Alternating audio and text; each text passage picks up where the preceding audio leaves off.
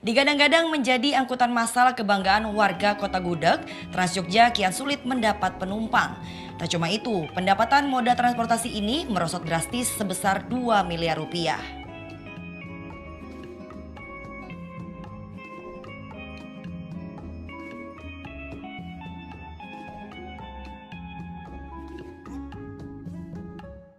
Selamat pagi, siang, sore, malam, kapan pun Kalian lihat kalian lihat semua. Eh, selamat datang sobat energi di video kami. Kali ini kita bakal ngebahas tentang masalah-masalah yang ada di sekitar transportasi di khususnya di Yogyakarta. Pada kali ini kita kedatangan sama teman kita namanya perkenalkan diri mas Iya, kenalkan teman-teman, saya Fardan dari Teknik Nuklir Universitas Gajah Mada. Eh, ceritain aja mas. Eh, kemarin kan bikin salah satu suatu makalah nih Iya, mengenai transportasi di Yogyakarta. Sebenarnya gambaran besarnya apa sih yang permasalahan yang ada di transportasi di Yogyakarta ini? Jadi sebenarnya saya berangkat dari sederhana ya, kita melihat bahwa penggunaan energi di Indonesia ini ternyata cukup boros dalam tanda kutip gitu. Hmm, boros. Jadi eh, alih-alih ketika yang lain mungkin eh, banyak pihak yang menginginkan bagaimana kalau sumber energi kita tambahkan dan lain sebagainya. Saya justru melihat bahwa ini ada sisi-sisi di mana energi itu boros.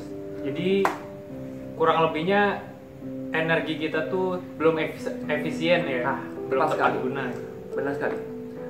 Gambaran utamanya misal katakanlah yang jadi saya bahas di sini ya, yang Dalam makalah tersebut. ini itu terkait transportasi. transportasi Kalau misalnya kita merunut di data Menteri SDM, Kementerian SDM tahun lalu, ya ternyata penggunaan energi di bidang sektor energi itu menempati posisi kedua tertinggi. kedua tertinggi Di Indonesia. di Indonesia. Nilainya bisa sampai 29,31 persen. tinggi ya berarti Iya. Dan itu pun hanya kalah tipis dengan yang pertama. Yang pertama itu rumah tangga dengan sekitar 31 persen.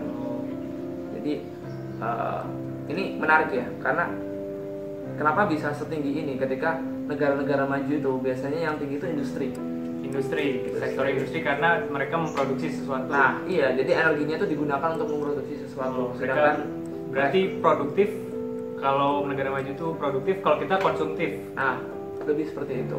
Apalagi kita melihat fenomena-fenomena kecil di sekitar kita ya. Jadi eh, betapa banyaknya mungkin sekarang wajar gitu satu rumah bisa le- memiliki lebih dari tiga atau empat motor itu wajar sekarang. wajar Dan orang-orang pun juga cenderung ketika mereka berpergian ke mana pun itu meskipun dekat pakai motor. iya itu sebenarnya dari fenomena kecil seperti itu dan kemudian coba saya cek eh, data-data di ESDM ternyata tinggi juga bahkan yang paling mencengangkan ini eh, dan salah satu data juga di ESDM sama untuk khusus daerah DKI Jakarta 99,99 persennya merupakan eh, energi yang dikonsumsi itu Oh. merupakan energi sektor transportasi oh jadi mereka sangat boros dan dominan di sektor transportasi Iya, tepat sekali. Jadi ini artinya eh, menarik ya ketika saya mencoba memikirkan sebenarnya apa sih masalahnya.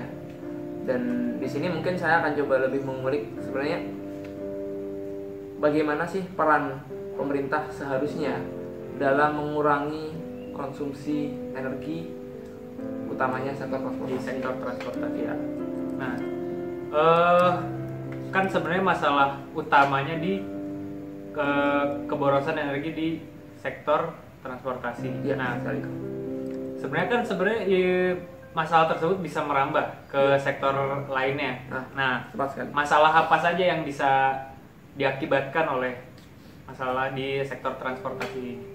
Kalau kita lihat banyak ya. Pertama, eh, tentu yang paling ketara adalah karena kita sekarang menggunakan bahan bakar fosil dan mo- mobil listrik maupun mobil panel surya katakanlah itu itu masih sangat minim. Maka salah satu dampak yang paling terasa adalah dampak lingkungan. dampak lingkungan. Minimal seperti itu. Kita sudah melihat eh, beberapa kota di Indonesia indeks polusinya juga cukup tinggi kan.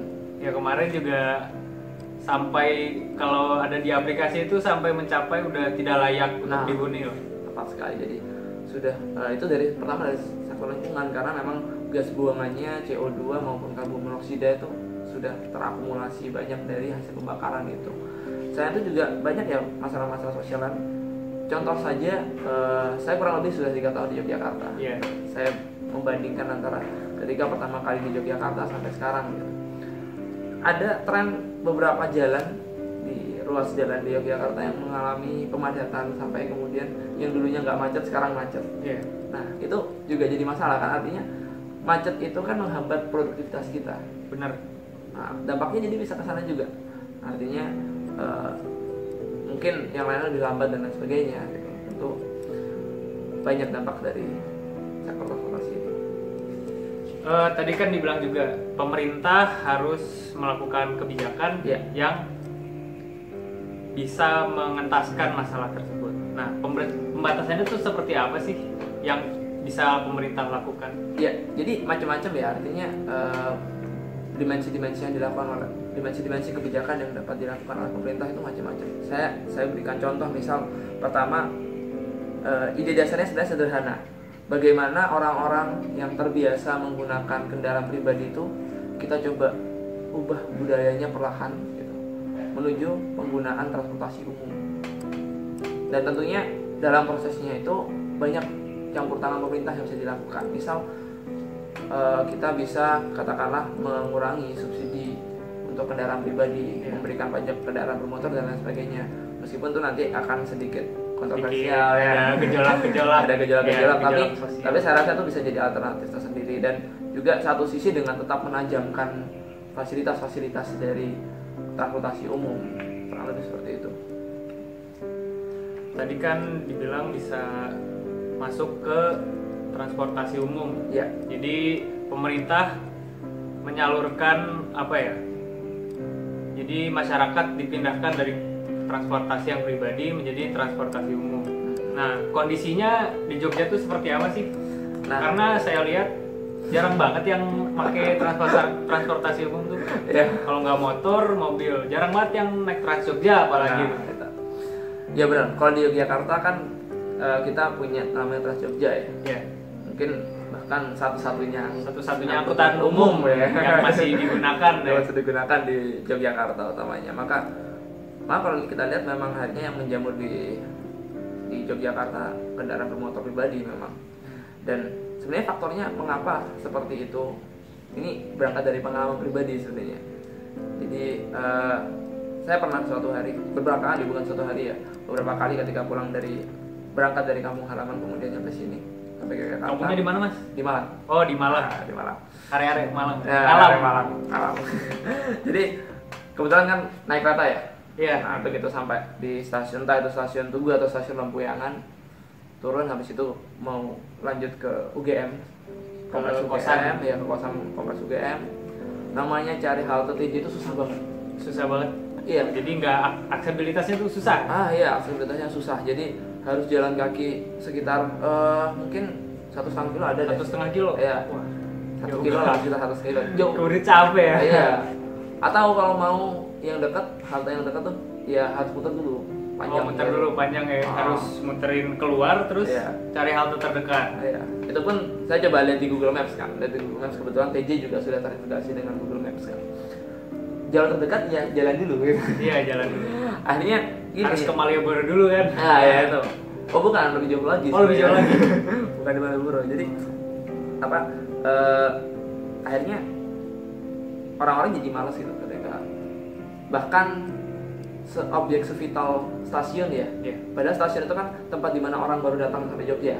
Yang idealnya ya dari stasiun kemudian bisa disambung dengan transportasi lain. Iya. Nah, dalam hal ini Trans Jogja Ya, dalam hal ini Trans Jogja. Artinya ada dua poin sebenarnya yang sudah sudah kita bisa kita lihat kekurangannya. Pertama aksesibilitas. aksesibilitas. Jadi bagaimana eh, mencapai halte Trans Jogja itu butuh usaha yang lebih gitu.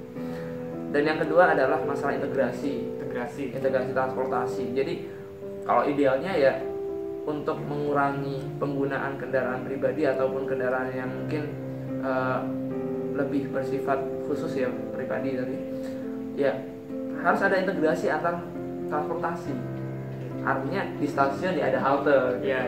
Di terminal ya ada halte atau sebagainya. supaya eh, masyarakat itu dimudahkan untuk mengakses transportasi umum Nah, tadi. tepat sekali. Jadi memang itu masalahnya dan dan lagi satu satu yang mungkin kita lihat lagi adalah masalah diversifikasi. Jadi di Jogja ini namanya angkutan umum cuma Trans Jogja. Iya, Nah, artinya kan yang dicapai oleh Trans Jogja itu terbatas ya. iya. Terbatas hanya ada di kota Jogja dan atau mungkin eh, Sleman sebagian gitu.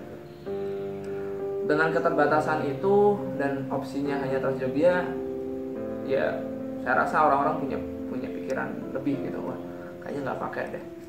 Gitu. Iya. Satu lagi sebenarnya Satu lagi yang paling penting justru yang paling penting adalah kenyamanan. kenyamanan. Iya fasilitas. Kenyamanan sih paling Ah. penting kalau masyarakat pengen eh, setiap hari gunakan transportasi umum harus nyaman. harus nyaman dulu.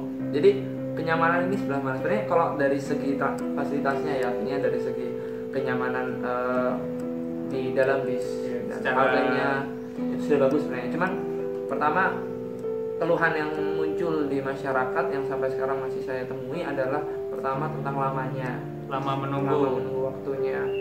Kemudian yang kedua adalah terkait eh, Pelayanan ini apa pengemudi yang kadang Oh, iya, ugal-ugalan. pernah dengar kan ya iya, iya. Trans Jogja supirnya Supaya ugal-ugalan ugal-ugalan dan Bahkan- pernah ada kasus juga ya. baru sekitar dua minggu atau Dua tiga minggu yang yang lalu, lalu iya. ada satu pelajar dari SMA ya yang ada dan Kecelakaan. tewas. Iya. ini tentu membuat orang berpikir-pikir kembali kan artinya apakah saya harus pakai gitu Iya. dengan kondisi seperti itu itu saya rasa itu jadi problem tersendiri Eh, dengan masalah yang ada seperti aksesibilitas, Iya. terus integrasi yang kurang, diversifikasi yang belum tercapai, bagaimana sih kebijakan pemerintah, khususnya pemerintah daerah dalam meng- eh, mengentaskan masalah tersebut, khususnya di sektor transportasi ini? Nah, jadi eh, kalau dari pandangan saya ya, artinya pertama daerah ini harus punya namanya di bagian sektor transportasi itu benar-benar bisnis atau katakanlah eh, perusahaan-perusahaan yang bergerak di bidang transportasi pertama sebisa mungkin itu berasal dari BUMN, BUMN atau BUMD. Oh, berarti seperti- dipegang oleh pemerintah. Iya, Trans Jogja sekarang termasuk BUMD kan ya. Iya. KAI mungkin salah satu contohnya yang termasuk eh, saya rasa perlu diapresiasi juga BUMN itu agar kemudian eh, kita lebih mudah mengatur transportasi dan bisa memberikan pelayanan yang optimal kepada masyarakat karena BUMN maupun BUMD itu kan biasanya orientasinya bukan bukan profit, Bukan bukan, profit. keuntungan, Iya. tapi eh, bagaimana bisa mengabdi kepada masyarakat secara optimal benar dan sekali. Jadi yang diutamakan adalah fasilitasnya, Fasilitasnya dulu. profit nomor sekian. profit gitu. nomor sekian Iya. karena uang pajak apa pendapatannya juga dari pajak dari Nah. masyarakat juga. Ya, benar sekali. Itu yang pertama. Kemudian yang kedua terkait aksesibilitas dan integrasi ini sebenarnya satu satu hal yang baru ya. Artinya eh, harapannya sih di Yogyakarta nih memang perlu peninjauan ulang lagi. Oh, iya. Jadi perlu perlu peninjauan ulang terkait posisi-posisi halte yang sekarang ada dan apakah eh, itu sudah mencukupi dengan istilahnya sudah dekat dengan pusat-pusat keramaian. Karena ya seperti keluhan saya tadi ya Iya. bahkan sekelas segede stasiun Iya, iya. Yogyakarta yang sebagus itu gitu haltenya jauh gitu kalau mau terintegrasi dengan baik. iya belum terintegrasi dengan baik nah ini jadi jadi PR tersendiri dan eh, itu juga masalah aksesibilitas ya. Kemudian terkait diversifikasi tadi artinya kita harus mencari alternatif selain bis katakanlah. Apakah bis ini memang satu-satunya solusi atau ada yang lain yang mungkin juga bisa? Mungkin ya kalau memang mau proyek agak panjang mungkin sekelas LRT atau MRT Iya. itu juga bisa jadi solusi kan? Agar orang-orang juga lebih mudah aksesnya dan ke mana-mana lebih cepat karena tadi durasi si Trans Jogja ini sangat lama nunggunya Nah, di halte. benar sekali karena kalau LRT dan MRT kan mereka punya Punya schedule yang punya lebih jelas. schedule yang lebih jelas dan punya jalurnya juga Jalur, sendiri iya. tidak terganggu tidak tergantung dengan Masalah kemacetan atau Kemacetan. ada penutupan jalan Nah. seperti yang terjadi di Jogja kali ini kan banyak penutupan jalan. baik banget sekali aduh apalagi kalau sudah ada proyek di jalan Iya. gitu ya wah macetnya parah parah dan eh, juga selain itu tentu masalah ini ya apa namanya eh, masalah subsidi. subsidi. Nah, jadi mungkin pemerintah perlu untuk mensubsidi lebih terkait terkait eh, pengembangan transportasi. Mungkin bahkan mungkin salah satu yang saya saya sempat terpikirkan adalah bagaimana pemerintah itu mengkonversi subsidi yang dari yang untuk kendaraan pribadi. Jadi subsidi yang dari kendaraan pribadi itu dialihkan ke ke sektor transportasi umum. Nah, ya seperti itu. Jadi dengan satu sisi juga tetap uh, memberikan tentu kita juga tidak bisa mengabaikan ya masyarakat-masyarakat yang membutuhkan subsidi di bidang kendaraan pribadi. Tapi kan masalahnya sekarang adalah bahan bakar yang bersubsidi seperti premium itu masih banyak disalahgunakan. Ya, belum tepat guna. Belum tepat guna, artinya banyak kawan-kawan banyak masyarakat yang belum yang sebenarnya nggak miskin gitulah Iya. istilahnya tapi masih menggunakan itu nah itu jadi masalah artinya subsidi yang di kendaraan pribadi ini harus tepat guna sehingga sebagian dan sebagian anggaran subsidi ini bisa dimanfaatkan untuk pengembangan transportasi sehingga nanti apa pengembangan transportasi bisa lebih Manfaatnya lebih bisa lebih di lebih luaskan lagi, Iya. tidak terkhusus kepada yang punya kendaraan pribadi saja. Nah, tepat sekali. Jadi eh, itu sebenarnya gambaran terkait transportasi kita. Jadi memang ini berawal dari tadi ya keresahan melihat betapa borosnya Indonesia ini Iya. dengan dengan apa namanya dengan Begitu banyak masalahnya. begitu banyak masalah transportasi energi yang kita krisis gitu ya minyak yang kita bahkan dikatakan meskipun kita produsen minyak tapi kita masih impor minyak Iya, gitu kan sekarang kita udah defisit. Nah, defisit minyak ini jadi salah satu PR tersendiri yang ya perlu kita Perlu kita sama-sama. cari solusi dari masalahnya. tepat sekali. Eh, baik, eh, sobat energi, eh, begitulah perbincangan kami mengenai transportasi di Jogja. Bagaimana kita seharusnya bisa mengalihkan eh, fokus masalah dari masalah yang ece-ece ke masalah utamanya apa sih eh, di transportasi khususnya di Jogja. Terima kasih. Sampai jumpa di lain waktu. Assalamualaikum warahmatullahi wabarakatuh.